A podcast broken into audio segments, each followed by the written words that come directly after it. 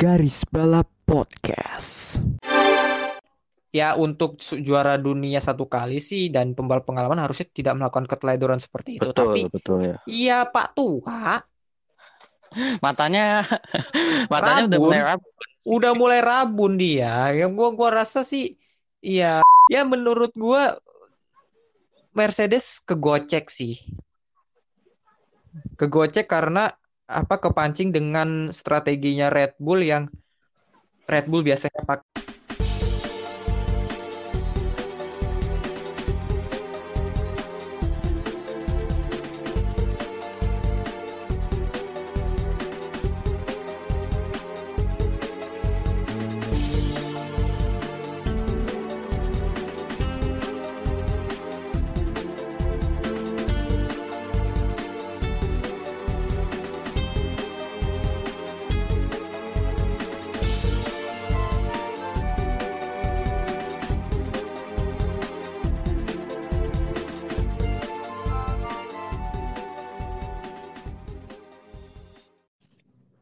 Ya, kembali lagi di garis balap bersama duo test driver andalan Anda, gua Bagus. Gue Yogo. Mantap, akhirnya kita kembali lagi, Yok. Setelah sekian lama. Ya nggak sih? Kita terakhir kali rekaman kapan? Ah, Mei itu gini ya? Mei ya? Iya, itu yang bareng elu. Kalau yang gua doang, gitu yang episode yang Azerbaijan kemarin sama Miles Podcast. Ya, kalian boleh dengerin lah episode terakhir kita. Akhirnya bisa kembali lagi setelah, setelah beberapa hari, beberapa minggu vakum dari nge-podcast karena emang kesibukan juga sih. Maklum, kuliah. Ya, ya udahlah kita langsung aja. em, apa kabar Yok? Alhamdulillah baik baik. Lu apa kabar? Ya, baik-baik juga sih. Tapi Oh, di Deng- di kala-kala pandemi yang makin meroket kasusnya, ya kita ya mesti apa sih jaga imun dan juga banyak-banyakin konten sih karena kas- kasihan juga sih orang-orang yang bosen di rumah nggak tahu harus ngapain Iya apa betul. dan ya satu-satunya cara mereka membuka YouTube, membuka Spotify untuk dengerin podcast mungkin. Nah, makanya itu kita ada untuk itu gitu loh. Betul. Eh, apa ya? sek- Sekalian mengobati lah, mengobati kebosanan selama Iya. di rumah.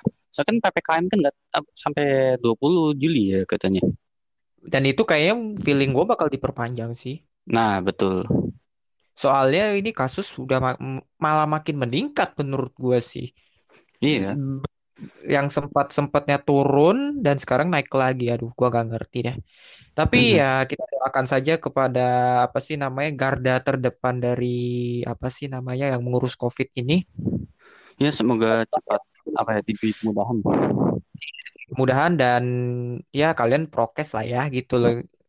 Gak Betul. usah prokes sih, gak usah prokes sih. Kayak lebih ke ya lu peduli aja gitu, peduli dengan sekitar lu. Lu harus pakai masker atau apa, kalaupun penting, kalau mau keluar gitu loh. Ya. Ya Terus gitu juga jaga imun juga dengan mungkin makan teratur, jangan Hmm. lupa apa minum air putihnya jangan terlalu sedikit gitu, sama banyakin minum Iya, vitamin juga. Iya, iya. Lu ini ngingetin begitu kayak ngingetin doi gitu ya. Padahal belum punya doi. Serius loh. Gue merasa tercerahkan dengan dengan apa sih namanya dengan yang lu omongin itu. Kaget Jadi ya, soalnya apa nyokap gue kalau ngingetin gue selalu kayak gitu, vitamin, jangan lupa air putih. Ya tapi lu nada-nadanya kayak lu ingetin ke cewek gitu. Padahal lu belum pernah pacaran gitu kan. Nah Anjir. ya jadi jadi ya apa sih namanya sehat-sehat lah ya semuanya. Eh by the way Ya, udah pada amin. vaksin belum nih? Udah pada Oke, vaksin gue belum udah. nih? Udah lu ya? Gue juga udah sih. Ya semoga saja yang belum vaksin bisa dipercepat lah proses vaksinnya atau Iya, gimana. bisa cepat juga. Dan terus juga yang sudah vaksin tetap prokes. Nah, betul. Ya pokoknya jangan aneh-aneh sih. Kayak orang-orang yang nggak mau vaksin dan ya gitulah. Gue nggak Iya, ngerti. Tapi ya nggak apa-apa. Opini lu ya opini lu ya terserah sih. Oke iya. langsung aja ke apa ke pembahasan. Kali ini kita mau apa, Bim? Kira-kira. Ini kita bahas apa ya? Euro. Eh, salah. Copa America. Eh, bukan juga ya. Oh, ini ya itu yang di Prancis, Austria sama apa tuh set- apa Styrian satu lagi apa tuh namanya tuh? Triple header. Ya Austria, Austria apa sih namanya Prancis, Styrian sama Styrian. Austria ya. Ah, Em, ya ya ya dan semuanya dimenangkan oleh Max Verstappen. yoi.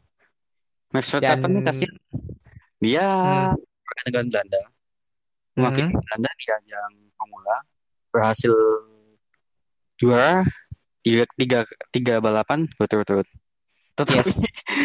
tim sepak bolanya di Euro, di Euro kemarin ampas.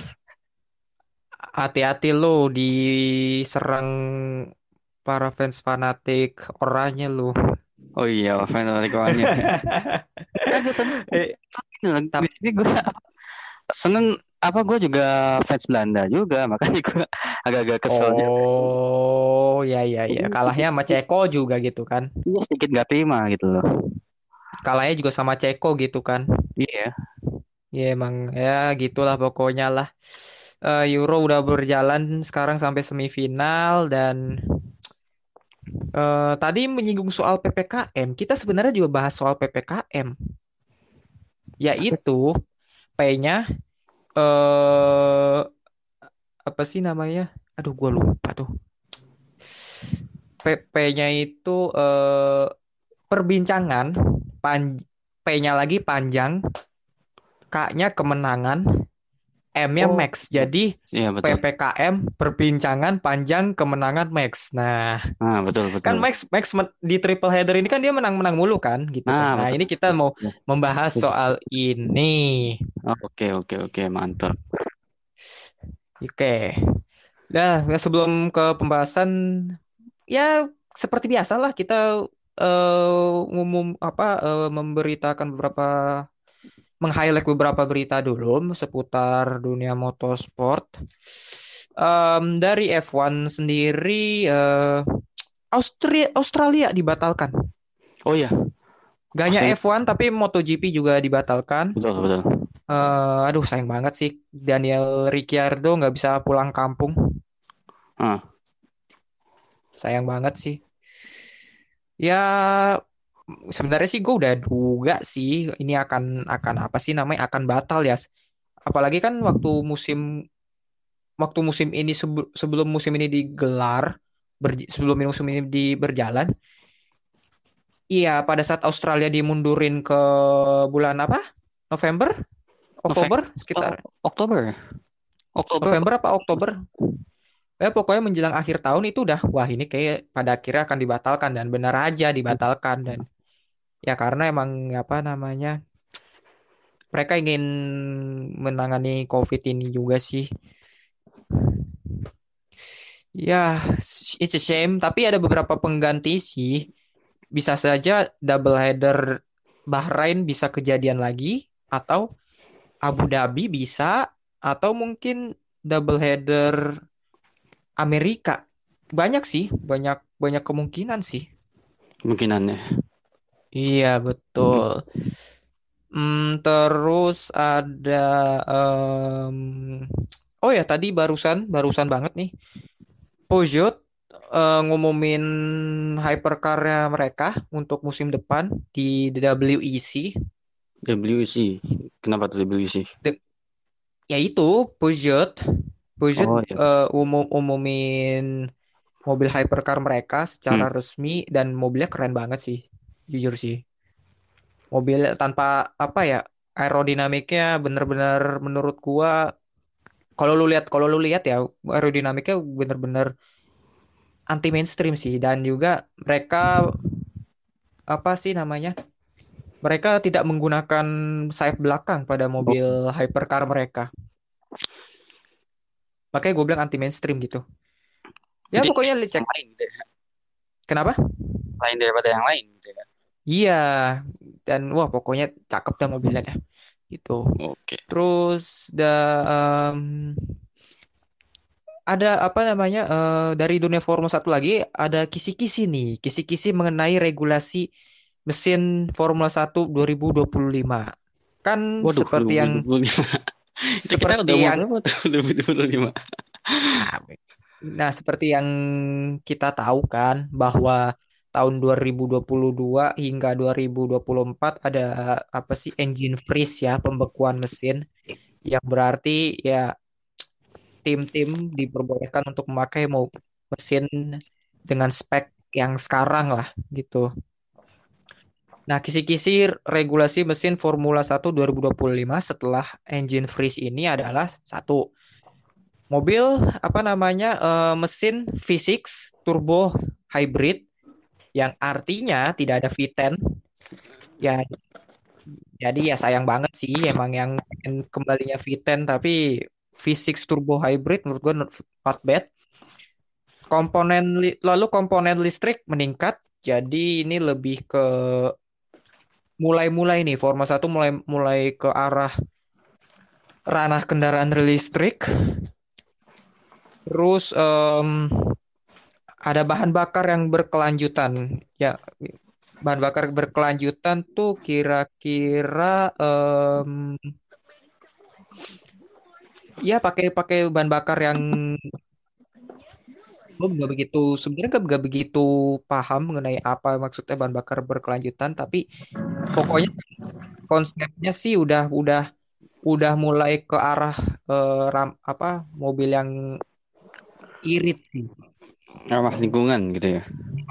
di Formula 1 udah mulai arah-arah ke situ ke tahun 2025 gitu Oke, oke.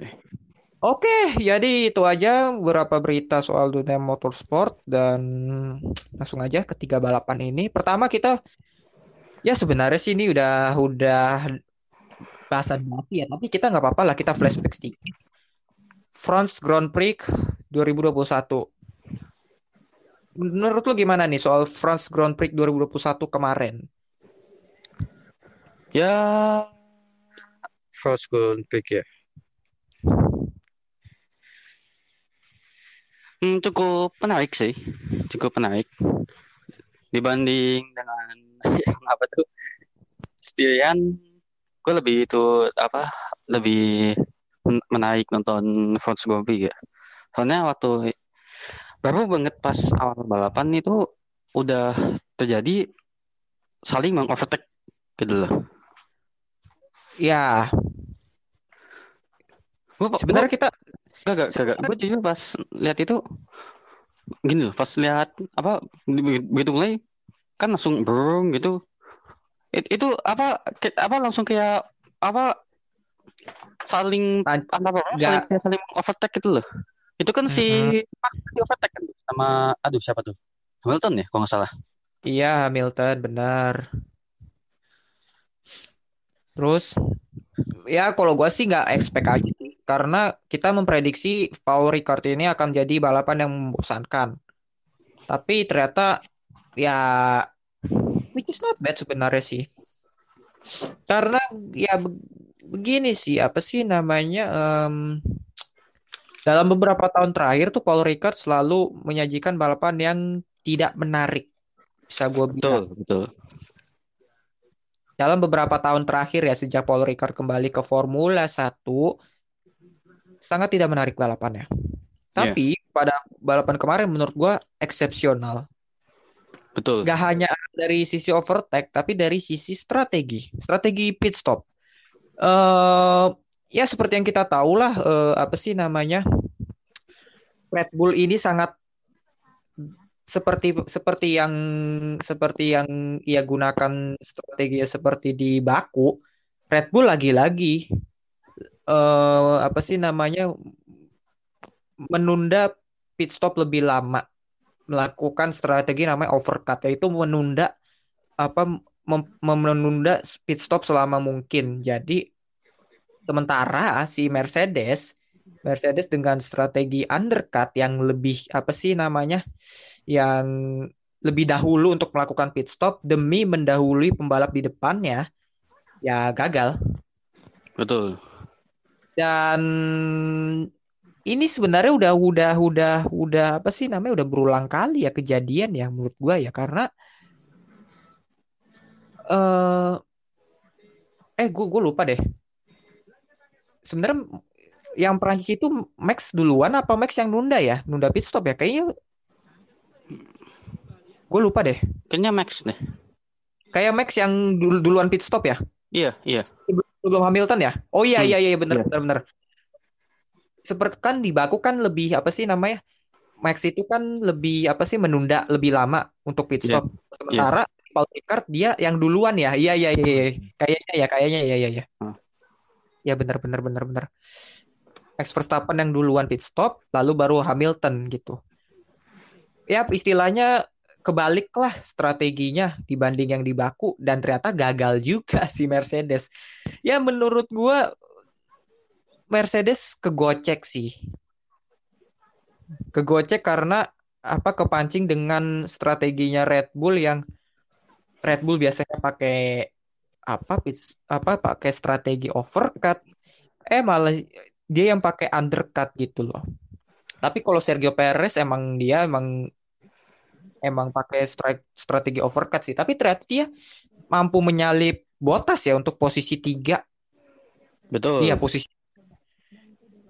Dan kembali lagi Bottas eh, kembali ke setelan pabrik. Iya kembali ke Setelah setelah ya kembali ke basic. Tidak mampu menahan eh, Max Verstappen dan Sergio Perez. Dan menarik ya Max Verstappen ini memakai strategi dua pit stop. Jadi pada saat dia memimpin dia melakukan pit stop lagi dan sempat turun di posisi tiga dengan memakai ban hard.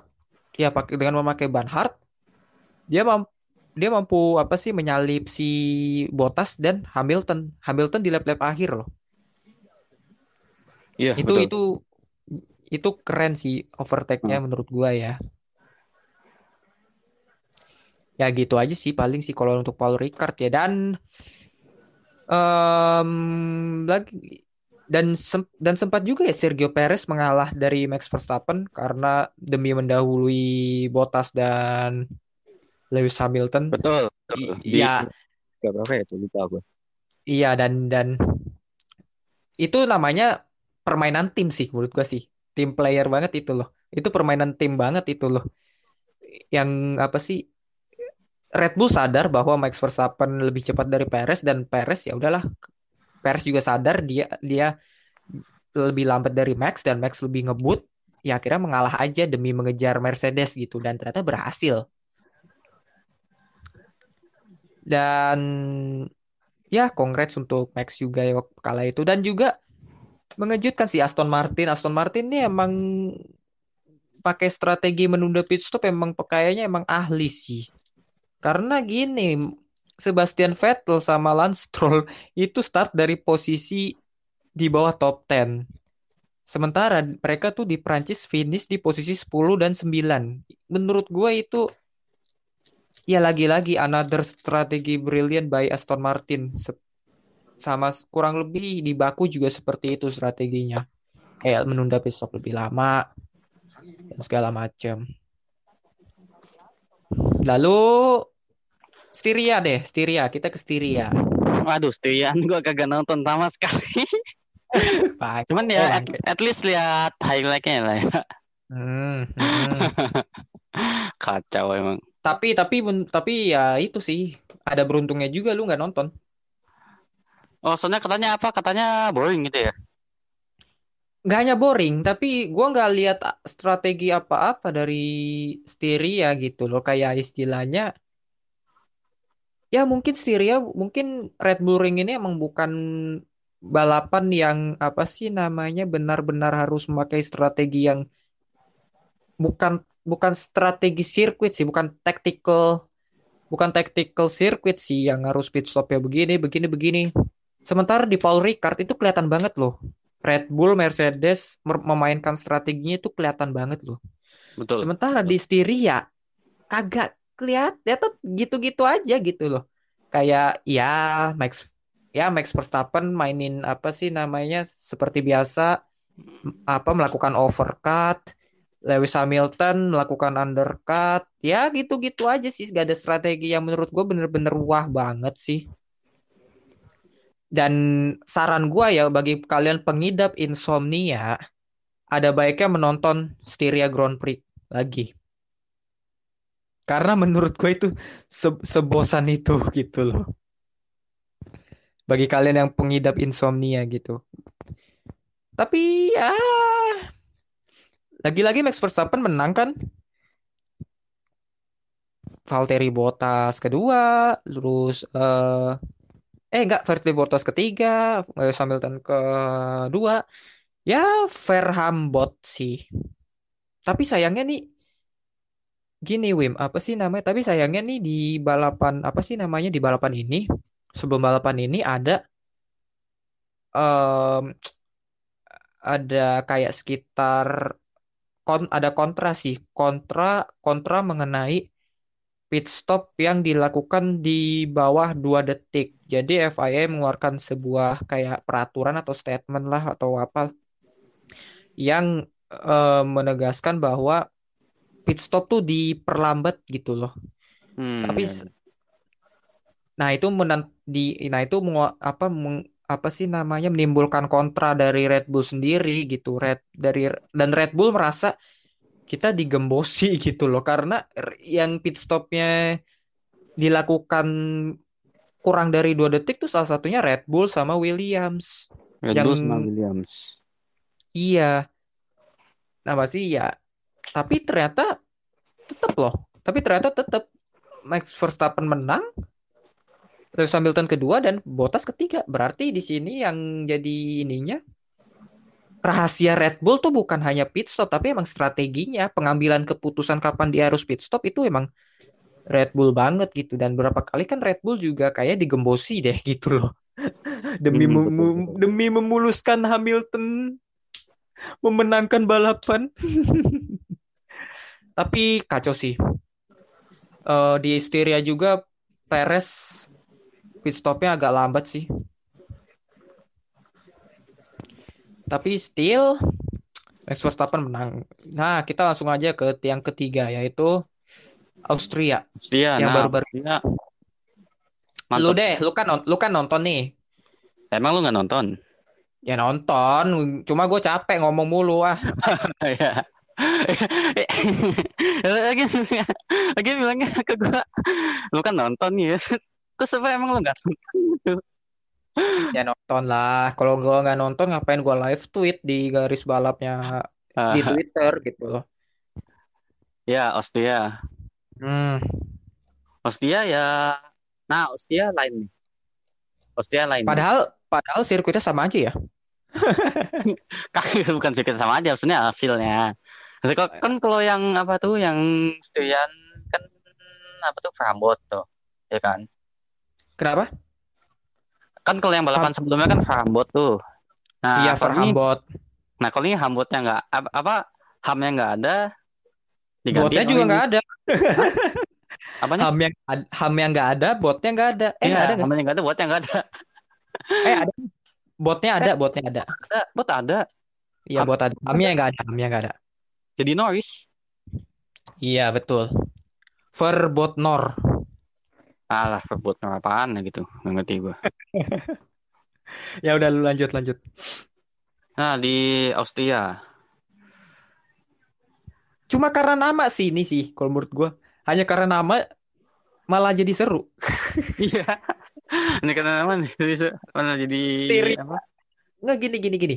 Di musim lalu Styria ya lu tau lah seapes seampas apa gitu loh tapi giliran Austria yang balapan awal musim ya. malah seru cuy. Kenapa ya? Ada apa dengan nama Styrian Grand Prix? Gitu kan. Dan gini loh perbedaan yang mencolok banget ya antara Styrian sama Austria. Kenapa Sti- apa padahal sama-sama Red Bull ya sama-sama Austria gitu kan. Negaranya Hmm. sama lokasinya juga sama. Cuman kenapa Styrian itu bawaannya gue begitu nonton jujur langsung ah udah matiin aja lah Kalau apa yang musim lalu ya? Oh, musim lalu ya. Karena bosan Styrian hanya karena nama loh. Oke, gue bingung gitu. Kayak karena nama kok bisa loh. Padahal cuma karena nama sirkuit sama. L- l- putarannya juga eh, berapa sih Styrian? 71 putaran juga. Hah. Austria 71 juga, tapi kok beda gitu loh. Ya makanya seperti, seperti tadi yang gue bilang, lokasinya Apa sama, negaranya Mm-mm. sama, cuman Mm-mm. kualitas balapannya kenapa beda jauh? Itu yang masih tanda tanya di apa para penggemar motorsport khususnya Meski- F1 gitu. Mes- meskipun meskipun pada pertengahan Austria kemarin cukup bosan juga sih kayak tempo balapannya mulai menurun kalau menurut gua pada Hmm, pertengahan betul, balapan betul, kemarin. betul bisa dibilang Tap- itu. Hmm. Cuman coba lo bandingin deh sama Styrian. Utuh aja, maksudnya berdasarkan keseluruhannya. Lo bandingin sama Styrian atau Austria, lo lebih apa tuh lebih prefer nontonnya mana? Styrian atau Austria gitu aja. Au- Austria sih. Styrian mah ya udah. Ya udah Styria. Ya udah Styrian. Styrian Iya, ini ya udah. Styrian. Styrian Styrian ya udah. Kursus Styrian tuh. Iya kayak ya udah. Apalagi yang harus di ini gitu. Sty- Styrian ya udah gitu. Tapi kalau Austrian ya sesuatu. Kenapa ya? Gue masih nggak wis pikir gitu. Tapi terlepas itu nggak ada lagi yang mau lu ngomongin. Ya paling sih cuman gua apa ya? Ya congrats aja sih buat apa Verstappen di samping dia memenangkan balapan juga pole juga fast lap ya kan? Ah, ini Grand Slam pertamanya Max Nah, di sepanjang betul, karirnya. betul. Fastest lap, eh pole position, race winning, fastest lap, Fastest lap. terus leading all the race, leading leading apa memimpin sepanjang balapan. Ya, betul. Grand itu Grand Slam pertamanya Doi ya. Di kualifikasi pun juga dia nomor satu kan? Iya, pole position kan tadi gue bilang. Gitu. Congrats ya buat Max ya. Tapi kalau gue sih ya kurang lebih sebenarnya sih sama sih. Kayak strategi sebenarnya hampir nggak kelihatan sih. Tapi yang Austria ini nih lebih ke penalti. Penalti ya. Pembalap banyak banget gosok vouchernya ya.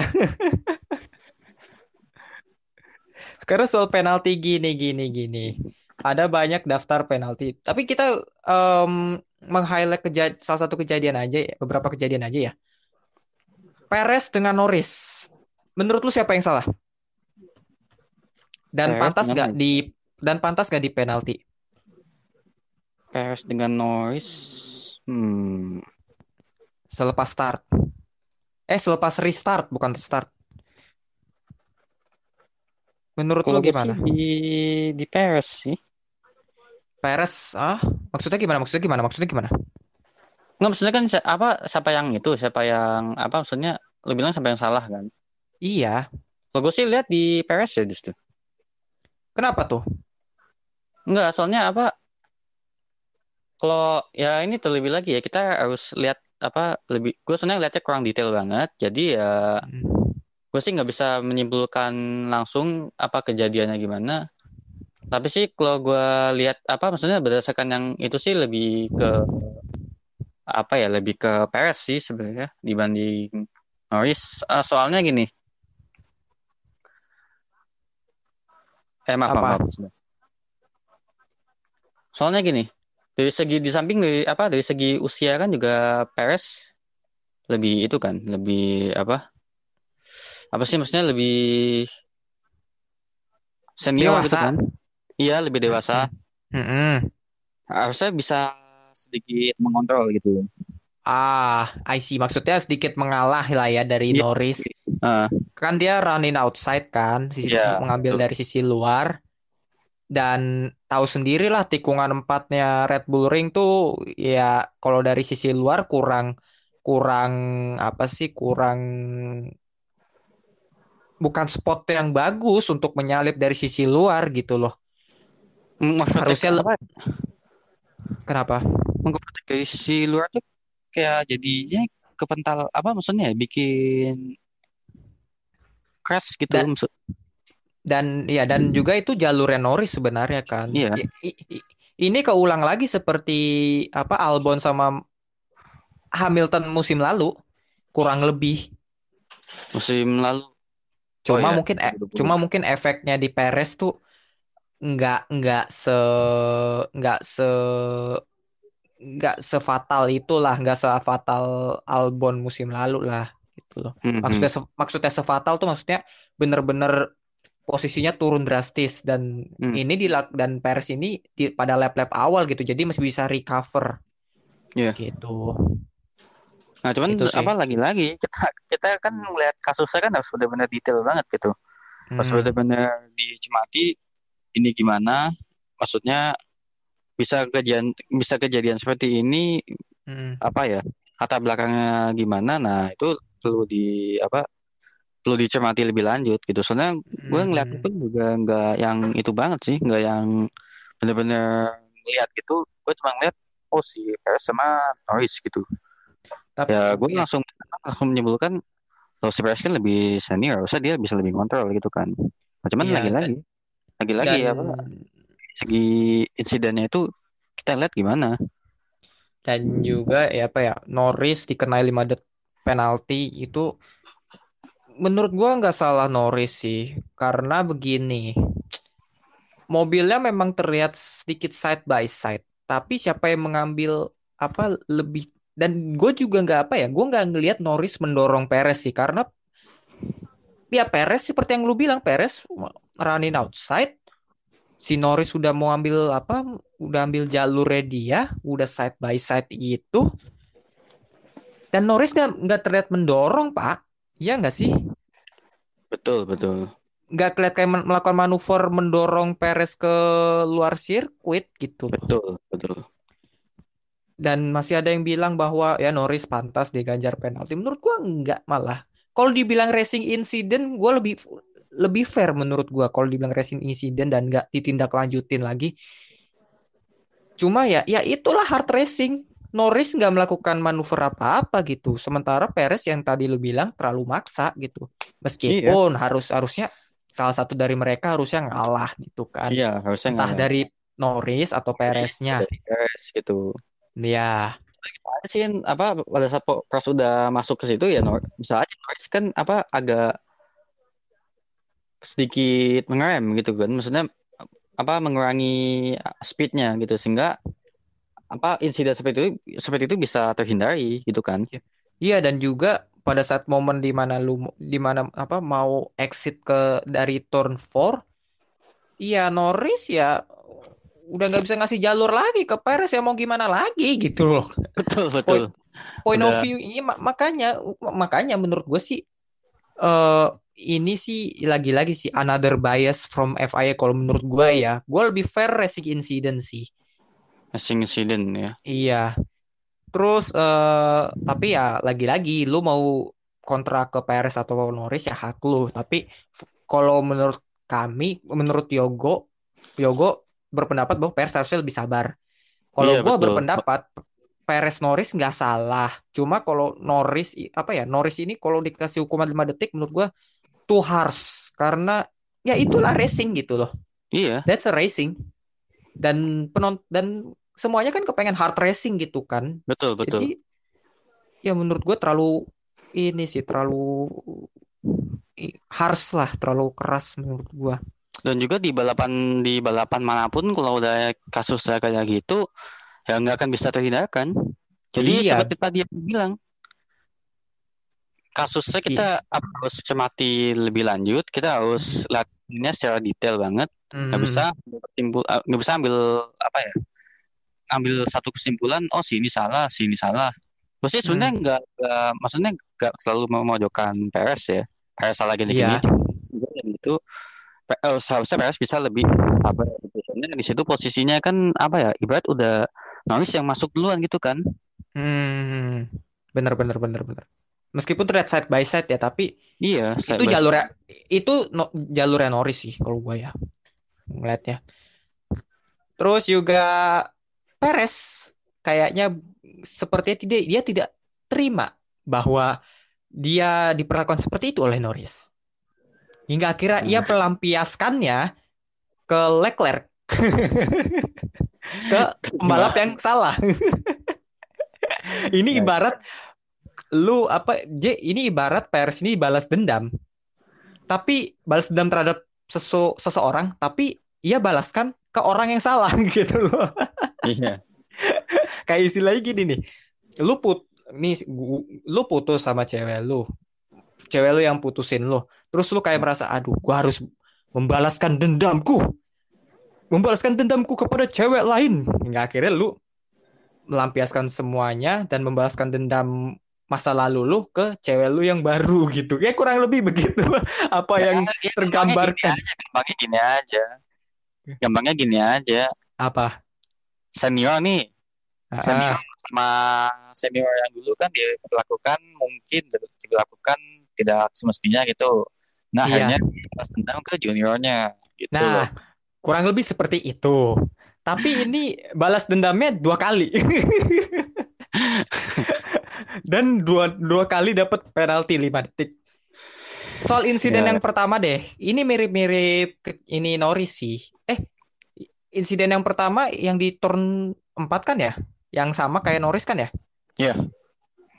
Nah, itu menurut lu gimana? Apakah emang Leclerc-nya mesti sabar atau emang ya Perez-nya kelihatan mendorong? Mungkin Perez sih mungkin ya yang agak kelihatan mendorong. Agak kelihatan apa sih? Ya sebenarnya sih Perez agak kelihatan mendorong. Apa di apa di satu sisi Perez agak kelihatan mendorong itu, di satu sisi lain Leclerc juga harus lebih sabar gitu loh. Iya iya Ya. iya benar-benar. Ya insiden kayak gitu-gitu tuh nggak ke apa ya? Bisa dihindarkan lah. Ah, ya benar benar benar benar.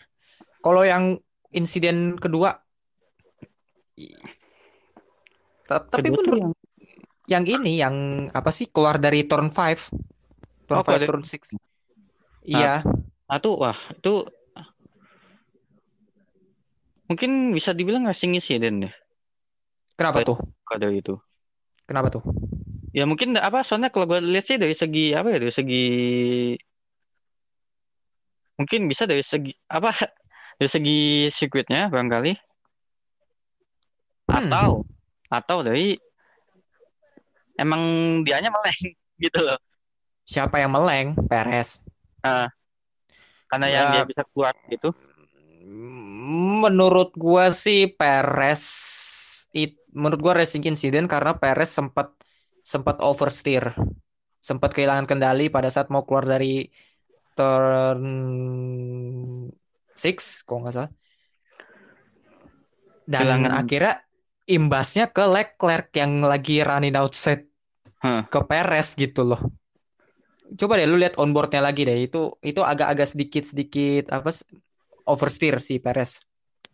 Dan kalau untungnya itu bisa diantisipasi dengan baik oleh Perez gitu loh eh di, bisa diantisipasi baik oleh Perez dan kalau misalnya nggak diantisipasi sih em, bisa apa namanya malah bisa mengakibatkan kecelakaan menurut gua Ya, itu- ya, ya, apa tapi kalau kalau gua kalau gue lihat sih kok si apa ya si, mobil si Perez tuh kayak apa sih kayak ngerti nggak? Jadi seakan-akan si Perez ini meleng gitu loh. nggak meleng sih itu kayak dia lebih ke ya oversteer aja sih itu sih Over, oversteer kehilangan kendali ya. ya kehilangan kendali gitu iya benar Oke oke. Ya, gitu. Kehilangan kendali. gitu sih sementara penalti lainnya daftar penalti lainnya ya selain Perez yang dijatuhi dua kali ada Yuki Tsunoda yang dijatuhi Nah. penalti 5 detik juga karena menyentuh garis batas saat masuk ke jalur pit Ya resiko bawa Rocky. Ya rookie sih ya sih dia bener sih.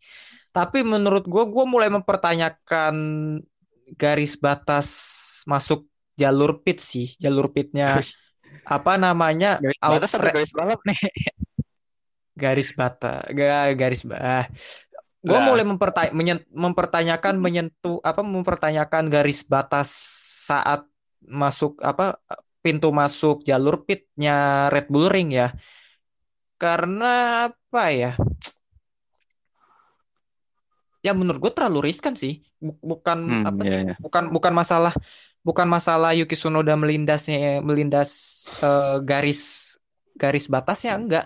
Tapi lebih ke misal ada pembalap yang di depannya mau masuk pit. Dia masuk ke jalur eh, pit itu kan sementara ada pembalap la- lainnya di belakang yang eh, yang sedang ngebut lah yang sedang ngebut kan itu kan jalur pitnya itu jalur masuk pitnya itu ada di sekitaran turn 9 Iya, Nah, betul. di, di, di turn 9 kan otomatis kalau mau masuk pit kan masuk turn 9 masuk ke jalur pitnya kan. Iya. Mulai ma- mulai masuk. Hmm. Hmm. Nah, gue ngerinya di saat bersamaan turn 9 di turn 9 itu pembalap yang mau masuk pit sama pembalap yang ngebut ini kalau mereka nggak apa sih namanya? nggak nggak paham lah, nggak paham satu sama lain malah akan mengakibatkan insiden menurut gua ya. Gue Iya, mempertanyakan bisa. Red Bull Ring itu sih. Ini mirip-mirip mirip-mirip Brazil sih. Jalur pitnya tuh apa pembatas pitnya tuh mirip-mirip Brazil yang di Sao Paulo sih. Tapi itu udah direnovasi ulang sama Sao Paulo yang akhirnya jalur pitnya nggak di situ lagi. Hmm. Ya itu harus ditinjau ulang sih. Kalau menurut gua ya, kalau menurut gua Hmm, iya, iya. ya itu. Dan daftar penalti lainnya ada Lance Stroll yang melanggar batas jalur pit. Lalu ada, nah ada insiden pada lap-lap akhir, yaitu melibatkan Kimi Raikkonen dan Vettel. Menurut lu gimana Waduh. nih? Raikkonen dan Vettel tuh, ah susah tuh. Susah dijudge ya? Iya, susah dijudge. Gue gak, gak, gak mau ngejudge siapa yang salah. Siapa yang salah, siapa yang Karena- bener. Karena fansnya banyak. Ya, saya banyak juga, jadi gitu sampai situ. Ya, Ya, berpendapat, susah dijudge sih. Siapa yang Ya, ber- siapa yang benar. ya berpendapat aja sih. Tapi menur- menurut gua sih Vettel doing his thing gitu kan, doing he doing the right thing. Kalau menurut gua ya, karena Vettel tidak terlihat untuk meng apa sih namanya mengimpending meng- bukan mengimpending sih mengimpending impending lah apa apa sih itu namanya bahasanya tuh memojokkan lah pokoknya si Vettel nggak terlihat memojokkan Raikkonen terlihat dari onboardnya tidak terlihat memojokkan Raikkonen dan gue yakin Vettel kaget sih pas pada saat tahu-tahu Raikkonen nyen nyenggol dia dan akhirnya berakibat kecelakaan seperti itu. Iya. Da- dan Raikkonen dijatuhi drive-thru 20 detik. Dan ya memang membahayakan sih, tapi menurut gue sih racing incident bisa dibilang sih iya ya. Karena Raik ini sebenarnya apa ya? Bukan sekali bukan sekali bukan sekali Raikkonen melakukan hal seperti ini. Waktu di Portimao eh, dia ngalami insiden dengan Giovinazzi. Dia kayak Iya. nggak dia kayak nggak ngira bahwa Giovinazzi sedekat itu sama dia yang mengakibatkan ia harus apa Raikkonen mengalami kerusakan dan akhirnya out of the race. Iya. Nah, sama dengan Austria kemarin. Dia nggak ngira bahwa ia mungkin dia nggak ngira bahwa ia sedekat itu sama Vettel. Hmm. Yang akhirnya mengakibatkan ya insiden seperti itu. Ya maklum lah Pak tua gitu kan. Hmm, apa dia keteladoran mungkin ya. Ya untuk juara dunia satu kali sih dan pembalap pengalaman harusnya tidak melakukan keteledoran seperti itu. Betul, Tapi betul ya. iya Pak tua Matanya matanya udah Rabun. mulai rabu. udah mulai rabun dia. Ya gua gua rasa sih ya ya mungkin ya faktor usia udah 42 Ya, tahun harusnya menikmati uang pensiun gitu. Sekarang masih balapan. Ya, ya udahlah. Tapi juga apa sih namanya? Gue juga dengar-dengar kabar bahwa Raikkonen tidak diperpanjang untuk musim 2022 yang menurut gua ya harusnya dia emang pensiun dan Pensiun ya. kasih pem- kasih pembalap lain, pembalap muda lain untuk eh apa sih unjuk gigi ya Iya. gitu. Makanya kalau sebelum balapan tuh kacamata minus tuh disiapin dulu lah buat ya. Jadi Iya, iya emang memang udah kelihatan tuh makin tuh apa mak- udah kelihatan tua emang nih bapak satu ini gitu Kacamatanya kan. Kalau eh, Kenapa? Kesan nggak pakai kacamata ya bisa-bisa stop stop aja di lipas dia Nah, makanya, makanya bukan apa sih? Ini juga kan makanya ini kan bukan sekalinya, bukan sekali doi ngalamin insiden kayak gitu. Yang harusnya dia kira deket malah oh gak sedekat itu ya. Mungkin rabun apa sih itu namanya? Rabun ya udah mulai rabun lah makanya gua Iya. rasa ya. Gak usah, gak usah, gak usah. Raikkonen sih. Gue aja yang masih muda aja kadang kalau misalnya nyetir mobil gitu. Karena kalau misalnya ngira, oh depan masih jauh itu. Nggak taunya buku nabrak pagar. Sering kayak gitu gue. Ugal lu periksa mata makanya ya. Lu, lu masih muda masalahnya gitu loh. Udah udah rabun kayak begitu loh. Ya sama sih gue min juga sih, cuma nggak separah lu gini gitu loh. Ah, ya jadi seperti itu. Menurut insiden menurut kami insiden mengenai Raikkonen dan Vettel. Em, dan juga bala- dan juga balapan berikutnya di eh, Inggris ya. Britania. Hmm. Britania Raya. Ini balapan apa eh, sprint F1 pertama loh, sprint race apa eh, balapan F1 pertama yang eh, dengan format sprint race Hmm. pertama. Tanggal 18 Juli kan ya, kalau nggak salah.